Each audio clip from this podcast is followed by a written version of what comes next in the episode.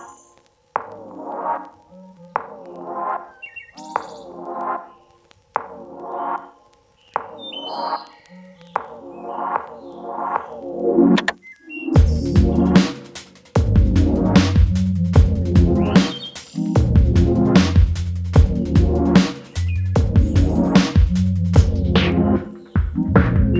är vi igång. Välkommen till Bioecho, du som lyssnar. Oskar Nyström heter jag. Med mig i studion finns precis som vanligt.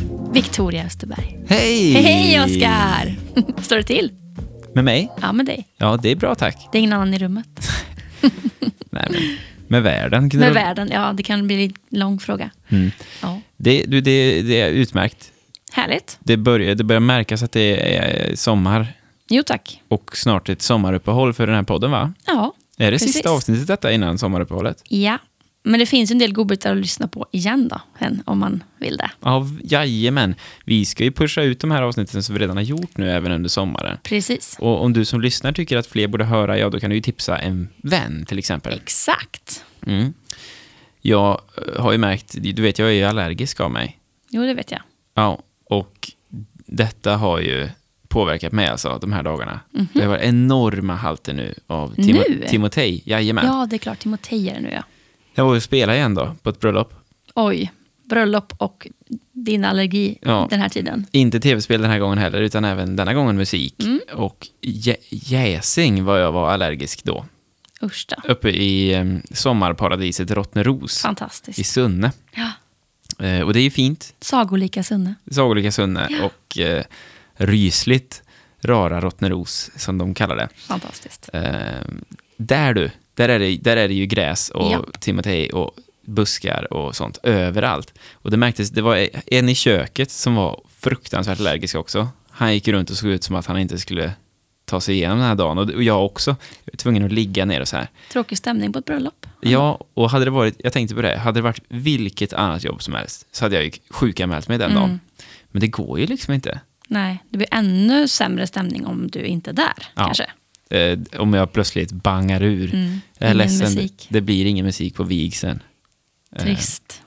Ja, nej, men det som då skedde i alla fall, det var att det kom en person Mhm. eh, som skulle jobba i köket. Och hon sa så här, oj vad du ser allergisk ut. Men prova den här nässprayen. Och så var det en ny nässpray liksom, som inte jag sett förut. Och så provade jag den och då gick det sen. Oj, Alldeles utmärkt också. men vilket tips! Ja. Den Så här, nu är hela din värld räddad. så här kommer ett litet tips alla Timotej-allergiker som har det tufft i sommar. Skaffa Dymista. Nässprayen Vi Dymista. är inte sponsrade av Dymista. Nej, inte du i alla fall. Och inte jag heller faktiskt. Du, det här avsnittet ska ju handla om, Någonting helt annat än nässpray. ja, och då undrar jag, återvinner du på rätt sätt, Victoria? Till exempel om du är färdig med en nässprayflaska. Mm, den tuffa. Jo, men jag försöker i alla fall, men jag tycker att det är Flas- svårt. Flaska nässpray, lät så mycket. Flaska nässpray. Ja, jag skulle i alla fall förstå att jag skulle lägga plastdelen i plaståtervinningen och papper i papper, men det finns ju förpackningar som är mer komplicerade än sådär kanske. Ja, Eller om det är innehåll kvar i, vad ska jag göra med det? ja, allt detta vet jag nu. Ja, just det, för du har ju pratat med någon som är expert. Jajamän. I, idag är det så här, mina vänner. Idag ska vi reda ut ett par vanliga myter om konsumtion och återvinning. Och om du är lite som jag, så har du dåligt samvete nästan jämt. När du handlar, när du äter och till och med när du då återvinner. När du är där och gör det du ska, då känner du ändå, jag vet inte. Och det handlar ju om okunskap. Eh, så från, från min sida är det så i alla fall. Gör jag verkligen rätt nu? Så känner jag. Är den här kartongen verkligen brännbar eller ska jag lägga den någon annanstans? Och vad händer med det jag slungar ner i exempelvis pappcontainern? Ska jag skruva av korken på mjölkförpackningen eller inte? Ja, men precis. Och i, exakt det ska vi snart få veta. Och i det här avsnittet ska det faktiskt visa sig att vi är redan betydligt duktigare än vad vi kanske tror. För det är fixat så, nämligen. På en högre instans. Ah, de har tänkt till. Och är vi inte så himla duktiga, ja, då får vi veta hur vi kan göra och tänka för att bli det istället. Det är ett mytavsnitt kan man säga. Härligt va? Verkligen. Och det är en, samtidigt en historia om dig, kära lyssnare, och din vardag. Och till vår hjälp då eh, har vi tidigare nämnda expert Helene Williams. Hon är doktor i miljö och energisystem och hon kan ju reda ut det mesta om vår cirkulära konsumtion av engångsartiklar. Cirkulära konsumtion, hör du hur jag Oj, pratar? Jag har lärt mig här. ord. Mm. Nu du. Ja. Innan vi drar igång då, har du någon myt sådär som du skulle vilja få utredd idag? Ja, alltså jag skulle ju vilja veta... Eller, man har ju hört så att det spelar ingen roll vart du lägger soporna för allt bara bränns upp. Eller hur? Ja. Och då tänker man ju så här, om man går på den, då ser man ju inte ett värde i att åka till en återvinningsstation. Nej, och man vet ju inte. Man tänker att ja, det är väl därför man ska slänga glasen spe speciellt för att det ska hamna, det ska brännas upp med bara glas typ, i Precis. rätt temperatur. Ja, typ så. Man vet ju inte. Nej, man har ju ingen aning om vad som händer när man har slängt det där. Mm. Detta och mycket mer ska vi alldeles strax få reda på. Då gör vi väl helt enkelt så att vi lämnar över ordet till Helene Williams och dåtids Oskar Nyström. Ja, det tycker jag. Och sen kommer vi tillbaka efter en kort, kort stund. Så är vi med under avti- avsnittet, tänker jag. Absolut. Mm.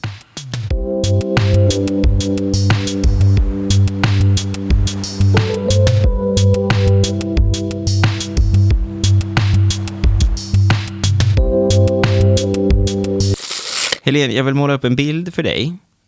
Eh, en bild som är återkommande i mitt liv. Jag står i affären, alltså mataffären.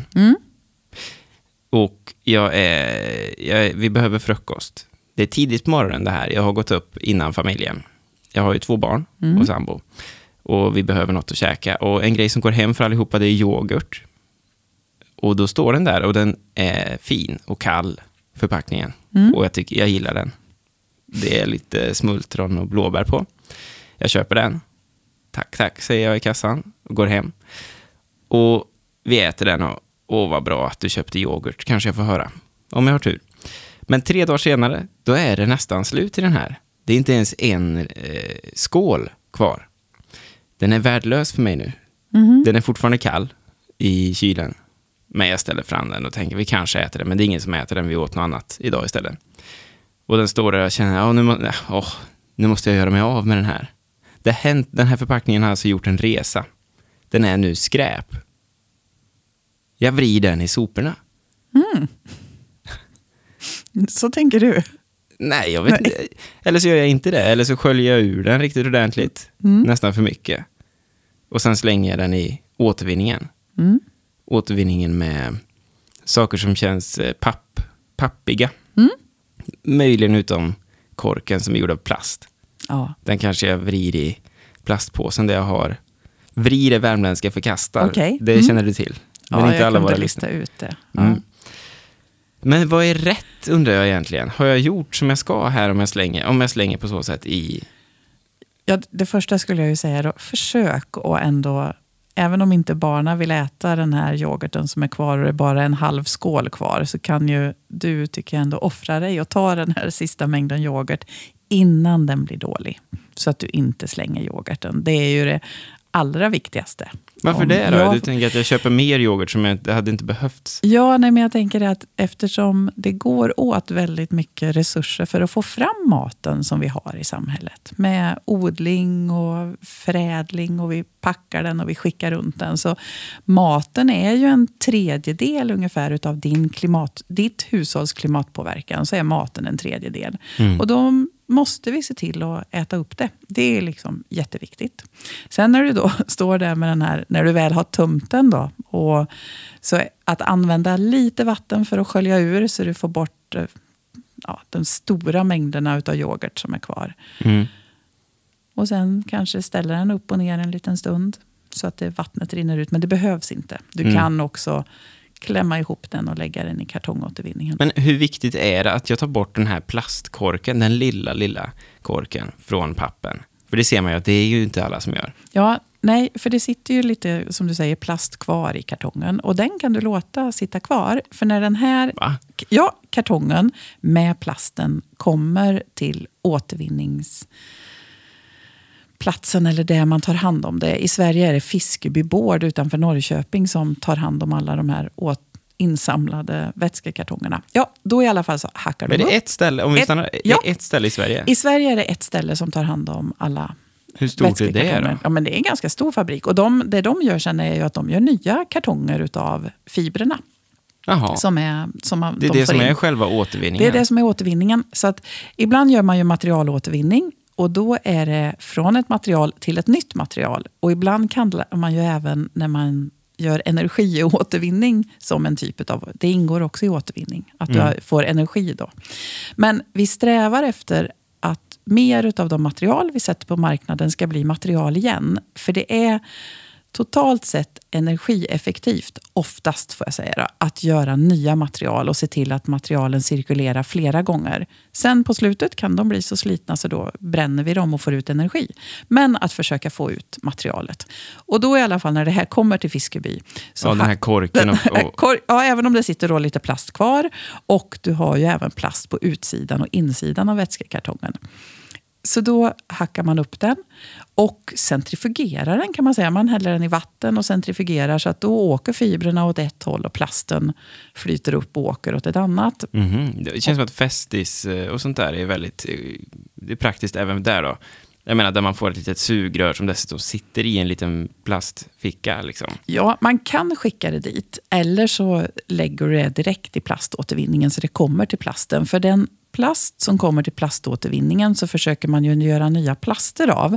Den plasten som kommer till Fiskeby Board, där de gör då nytt material av fibern. Men i dagsläget så gör inte de någon ny, nytt plastmaterial, utan det är plast som kommer dit. Det så tar man hand om och bränner idag för att göra energi som man använder i produktionen för att göra ny kartong. Ah, okej. Roligt om de i sin tur hade åkt till plaståtervinningen med, det, med den plasten. Så det Ja. går bara runt och runt. Mm, mm. Men vad händer om de inte får in eh, i Fiskeby Board? Mm. Vad händer om de inte får in tillräckligt mycket ny? Äh, nu fick vi inte in så mycket papp. Svenskarna har varit dåliga nu på... Vad händer med deras produktion? Ja, men då får ju de en eh, problem med, med sin råvaruförsörjning eftersom de använder återvunna kartonger. Och vart kommer den ny... Som, som de måste beställa ny Mm. papp från?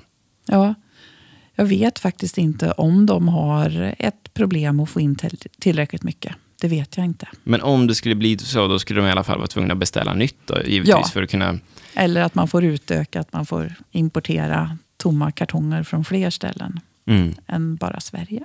Mm. Men ändå fascinerande då att det här som man tänker är så otroligt noga att dela upp, att de ändå har ett system för det. Ja, Att det inte skiter sig i produktionen. Men finns det något sånt exempel där, om vi slarvar, så blir det till exempel det här att jag lämnar yoghurt kvar. Mm. Om alla lämnar två deciliter yoghurt kvar i sin eh, yoghurtförpackning. Ja. Och det som händer då är ju att om det ligger en massa, massa matrester kvar i förpackningarna, för mycket, så kommer ju det att börja mögla. Mm. Och det gör ju att det då blir ganska stora mängder mögelsporer med in i återvinningsanläggningarna. Så jag kan tänka mig att det kan ge hälsoproblem för de som jobbar där. Så att eh, förpackningarna, när du lämnar in dem, behöver inte vara rena. De behöver, du behöver inte liksom diska dem med diskmedel. Behöver inte vara rena. Nej, inte helt rena. Men gärna ursköljda så vi inte får med för mycket mat eftersom då mat är organiskt material så det riskerar att mögla och orsaka problem. Så tömd och lite ursköljd men då inte helt ren utan att den är lite rester kvar, det hanterar man i systemen idag.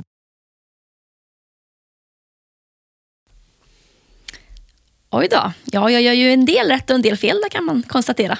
Känns det så? Ja. Ja, jag, jag tänker redan där har vi lärt oss massor av nya saker. Det har bara gått tio minuter, vet du. Ja. Det finns alltså en plats som heter Fiskeby Board, har vi lärt oss. ja. Eh, vi har lärt oss att en del av det vi återvinner går till energiåtervinning, alltså skräpet blir inte nya grejer alltid, utan ibland blir det till energi. Mm. Det var nytt för mig. Ja, jag känner nog till det, men jag förstod ju inte att det var på det här sättet som Helene beskriver det. Det tror jag inte alla gör alls. Nej, verkligen Jag skulle inte. säga 70% av alla svenskar vet inte om detta. Nej, För har det är ingenting i. man liksom vet automatiskt. Det är inget man har fått lära sig väl? Nej. Nej.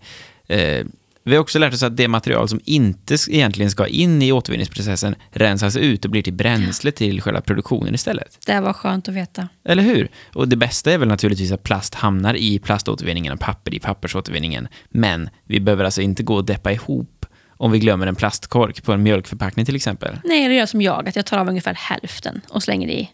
Hälften av korkarna i plast och resten åker i kartong. Ja, För att jag inte har vetat hur man ska göra. Så jag tänker att jag skruvar av på de som är liksom så inte för äckliga och lätta att ta av. Och du och jag måste ju kunna vara ärliga med att vi, vi är inte perfekta på det här. Nej. Det är väl ingen som är. Nästan. Det är kanske säkert några som är. Men, Få. ja. ja, man försöker så gott man kan. Liksom. Precis. Det är tanken som räknas tänkte jag säga, men den här gången så kanske inte bara är tanken. Härligt. Tillbaka till mig och eh, Helene då. Ja, Och nu är det ju egentligen, nu pratar vi om den bästa av världar kan man säga. Nu har alla skött sig.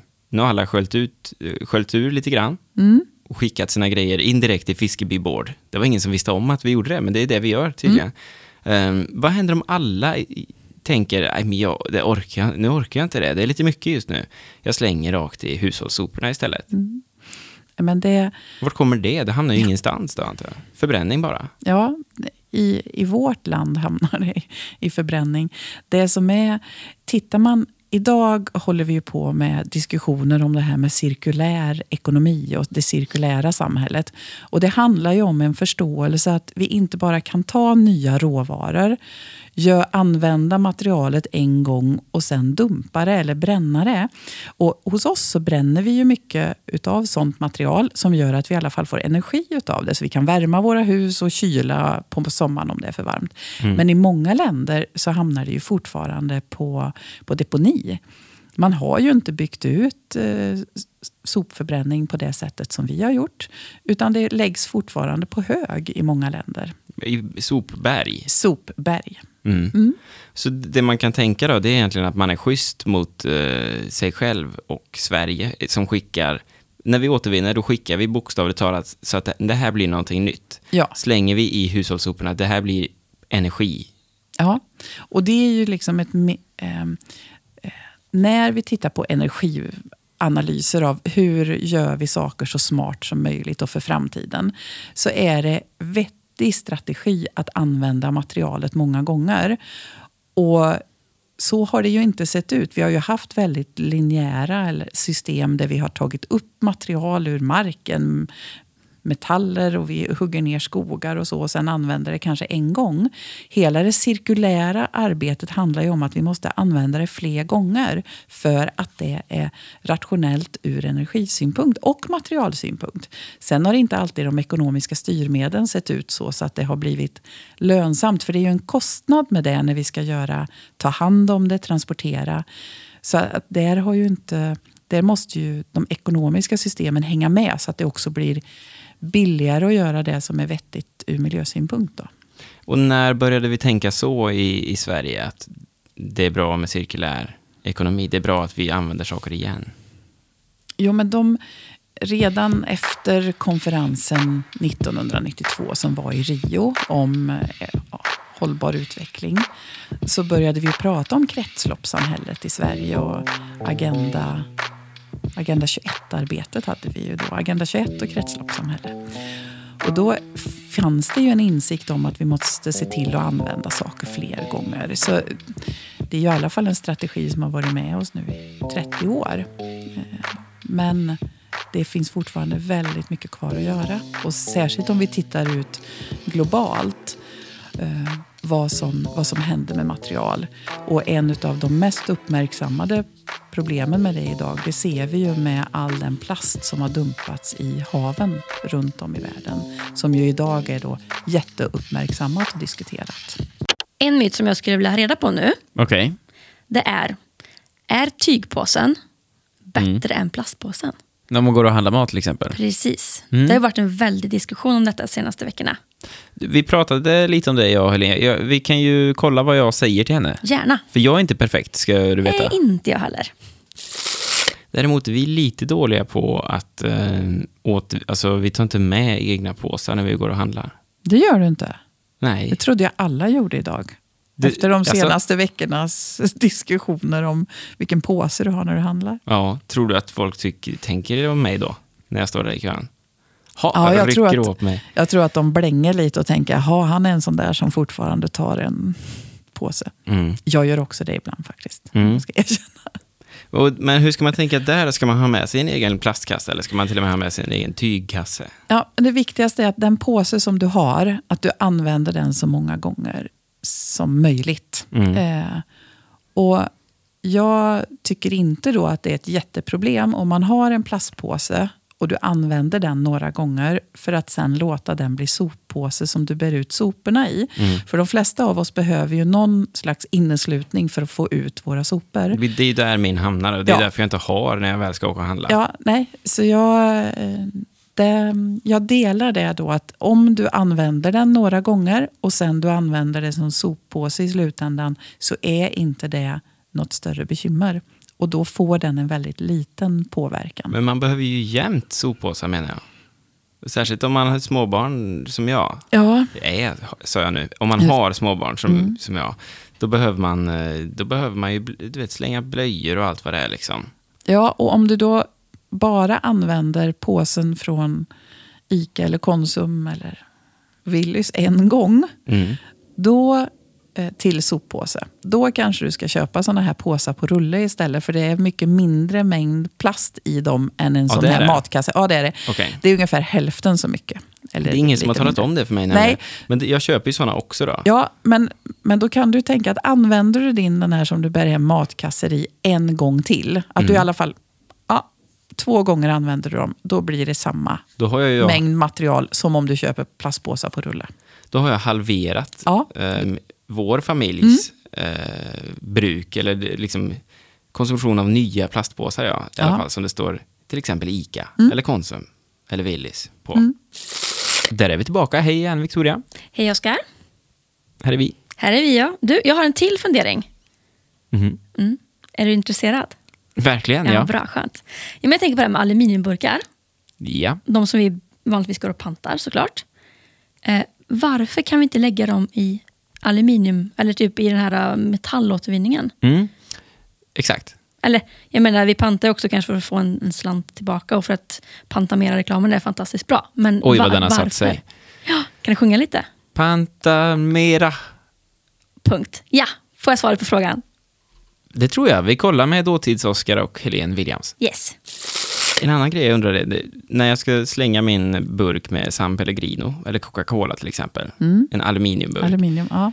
kan jag slänga den i metall lika gärna på återvinningsstationen där jag Som- bor? Som, som- att gå och panta. Ja, men går den i panten så blir det ju en väldigt ren fraktion. Då blir det bara, då, blir då behövs det ju ingen extra sortering sen. Eller, ja, för då är det ju aluminiumburkar där. Och det Mm. blir ju väldigt rationellt i systemet att det kan gå direkt till uh, aluminiumåtervinnarna och inte behöver ta vägen om någon sorteringsanläggning där man ska sortera upp olika metallfraktioner. Okej, så man kan säga att i slutändan så blir det egentligen samma resultat, men det går genom flera led. Ja, det går, och varje led kostar ju pengar. Då. Det blir någon annan typ av maskinell sortering som ska göras. Och Plus att energi du, och allt Ja, och, och då går det åt energi. Plus att du får ju lite pengar tillbaka också om Mm. du pantar. Men det får jag inte, för det trycker jag på Rädda Barnen till exempel, eller Ja, men- står på knappen där. Men då ger du ju pengar då till Viskogen eller Rädda Barnen eller något. Ja. Mm. Sjöräddningssällskapet har jag sett också. Okej. Finns med på sådana Ja. där. Eh, det har blivit dags för ett segment som jag kallar för Några snabba. Välkommen till det. Ja, tack. Och då kommer jag att ställa några snabba frågor och så får du svara eh, snabbt eller långsamt. Du får välja att eh, gärna veckla ut också om du vill. Mm. För syftet är ju ändå att vi ska lära oss någonting om detta. Och då undrar jag först, är det bäst att köpa läsk, till exempel, dryck på flaska eller burk? Glasflaska eller burk, eller till och med plastflaska kan vi lägga till då. Mm. Folk kanske vill ha lite julmust till jul. Och då är, är väl egentligen de här glasflaskorna som går i retur. De var väl de bästa. Nu finns det bara engångsglas och då är de inte lika bra längre. Så den där är supersvår. Så jag skulle säga att det beror på hur långt det behöver transporteras. Och det. Så den är ju jättesvår att ge ett sånt där enkelt svar på. Mm. Okej, det gick inte att ge ett enkelt svar på just den. Nej, det gick inte. Men köp så lite som möjligt. Mm. Köp bara det ni behöver Ja, och, och, dricker upp. ja, och det är en svår fråga. då, men Behöver. för, ja, dra ner ordentligt på det. Okej. Jag ska tänka på saken. Mm. Hur är det på systemet då, om man ska köpa en, en öl? Ska Ja. man köpa på burk eller på glasflaska? Eh, ofta vinner burken mm, miljömässigt totalt sett eftersom glasflaskorna är så pass tunga att transportera. Och framför allt är det det här med att transportera tomma glasflaskor till någon som fyller. Men det beror också på, för har man en sån producent som gör glasflaskor nära sig, då blir, då blir det mindre påverkan när den anläggningen finns nära. Okej. Så på de så handlar det ofta om transportavstånd, hur långt det har transporterats, vilket som blir bäst. Men totalt sett så ofta så vinner aluminiumburken och särskilt om den då pantas och återvinns. Och smaken brukar också gagnas lite grann av det. Okej, Att det inte har gått in. UV-ljus och sånt där vet du, som burken inte släpper igenom. Mm. Tydligen. Okej, nästa fråga. Köpa storpack eller bara det som behövs för varje måltid? Ja, och den är ju då eh, sådär. Är du en stor familj som äter upp en stor pack, då blir ju den miljömässigt bäst. Men finns det risk att en del mat blir kvar som inte går åt, då är det bättre att köpa små, fler små förpackningar än en stor. Det är maten som är det viktiga då egentligen kan man säga. Ja, Den måste ta slut. ja. Och gör den inte det, det, det kan man ha som måttstock. Ja, och då, sen så, den där, det är ju alltid då, för tittar du på det vi pratade om nyss med, med läsk, där det i stort sett är vatten med lite socker och smakämnen i. Där är ju förpackningen den stora miljöpåverkan och inte innehållet. Men för majoriteten av maten med frukt och grönsaker och sen då när vi pratar mejeri eller kött, då är ju maten den stora miljöpåverkan. Och då blir det det här att köpa så att du ser till att du äter upp allting. Mm. Bra. Nästa fråga. Vatten på flaska eller kran? Mm, den är svår. Ja, vad tror du själv? Ja, du. Kran, det är klart att det kan kosta pengar att ta fram en kran. Nej, jag skojar. Nej, det är klart att jag tänker att det är bäst att dricka ur kran då. Och den är ju nästan provocerande tycker jag idag när vi tittar på i Sverige så använder konsumenten ungefär 100 liter då kolsyrat vatten och läsk per år. Det är ju nästan lika mycket som mjölken som vi transporterar runt på petflaskor med det fantastiska vatten vi har. Så det är ju ja, otroligt provocerande tycker jag det är att vi har så mycket flaskvatten i Sverige där vi har så fint kranvatten. Sen kan det finnas andra länder där man har problem med kvalitet och säkerhet på kranvatten och att det finns då argument för att ha det på flaska. Men det finns det inte hos oss. Så det, det är ju något, bara sluta med det. Ja, och frågan var lite grann ett skoj. Det är Ja. klart att jag vet detta. Men samtidigt, ja, eh, vi pratade om detta i en, i en annan podd som jag producerar Mm. med Björn Ling och Johan Östling. Då hade de det här som etta på onödiga saker att köpa och det Ja. var vatten på flaska. Mm, håller Eh, med. Och då räknade de ut, den uträkningen är inte säker på hur vetenskaplig den är, men att det kostar väl i princip ja, ungefär 18 kronor att köpa en flaska vatten, en halv liter liksom. Mm. Ehm, och för 7 kronor så skulle du tydligen kunna få 1000 liter ur kranen. Mm. Så det blir oekonomiskt också, får man ändå lov att säga. Ja, men det är galet ekonomiskt och ibland så görs ju också räkneexempel med det. Att vi, ja, många utan att blinka går och betalar 20 spänn för, för en flaska vatten. Och sen är det väldigt många som är upprörda när bensinen helt plötsligt då kostar 17 kronor istället för 15 kronor. Eh, som ju vi kör, en del kör bilarna på. Då. Och det är väldigt upprörande. Men att sen betala 20 spänn för en halv liter vatten, det gör... An, mm, gör Det här också. bensinupproret, ja. Ja. Det var någon som gjorde en väldigt rolig, att de sa att ja, det kostade en krona eller vad det var på 70-talet. Det kanske inte gjorde, men det var någon glass i alla fall då, som hade ökat precis lika, Lika mycket, mycket. i pris. Mm. Och då var det, det var någon som startade glassupproret. Ja. Jag såg det också. Det var ändå kul. Eh, nästa fråga då. Mm. Bönor, alltså jag tänker kidneybönor eller bönor med tomatsås till exempel. Om Ja. man vill göra engelsk frukost som vi kallade det, jag och pappa. Mm. Ehm, för vi hade varit i England nämligen. Och så skulle vi göra det hemma. Och då var det vita bönor i Vita tomatsås. bönor, ja. Mm. Ska man eh, köpa bönor på burk eller i sån här kartong? För i den kartongen så finns det ju risk att det finns sån aluminium på insidan. Liksom. Mm, och det finns det. Det är alltid ett lager aluminium i dem för, som gör Okej. att bönorna håller länge. Ja, för aluminium gör att det inte kommer in och som du säger, inget kan transporteras genom aluminiumet. Men den, är, den eh, kartongen med bönor och så blir miljömässigt mycket bättre. Dels är det mindre vikt på en sån istället för metallburken. Men den är också väldigt mycket mer effektiv i transport i och med att den är i kuber. Så Aha, går okej, den det blir och att- det blir mycket lättare att stapla inuti en, en ytterkartong. Man får med mot de fler ru- på en gång. Ja, men det blir, du transporterar inte runt så mycket luft som du gör mellan runda förpackningar. Som det är. Tetris-effekten. Yes. Så den är trans- väldigt transporteffektiv dessutom. Så det är det man ska välja. Ja, Då har man gjort rätt. ja. Härligt. Det- Det var alltså segmentet Några, snabba. ja, det var inte så snabba svar dock. Men Nej, men det var underbart. Det behövde det inte vara. Det var frågorna som var snabba. Ja. Du Helene, varje gång jag pratar med dig så känns det som att jag tar med mig någonting eh, matnyttigt ut i livet och som att jag går eh, rikare eh, kunskapsmässigt kring vad jag kan göra. Och det tycker jag är det viktigaste. Jag hoppas att våra lyssnare känner samma sak efter dagens avsnitt. Ja, för då vill jag säga, för det här att faktiskt göra något, att du väljer att göra något när du går till butiken, väljer, tar något annat, att du, eller att du efter när du har använt dina förpackningar sorterar bättre, gör ju att du är en del i den positiva kraften framåt och kanske känner att lite mindre ångest då, för du försöker i alla fall göra något. Mm. Du är bra. Helene, tusen tack för att du kom hit. Tack så mycket, Oskar. Hej. Hej.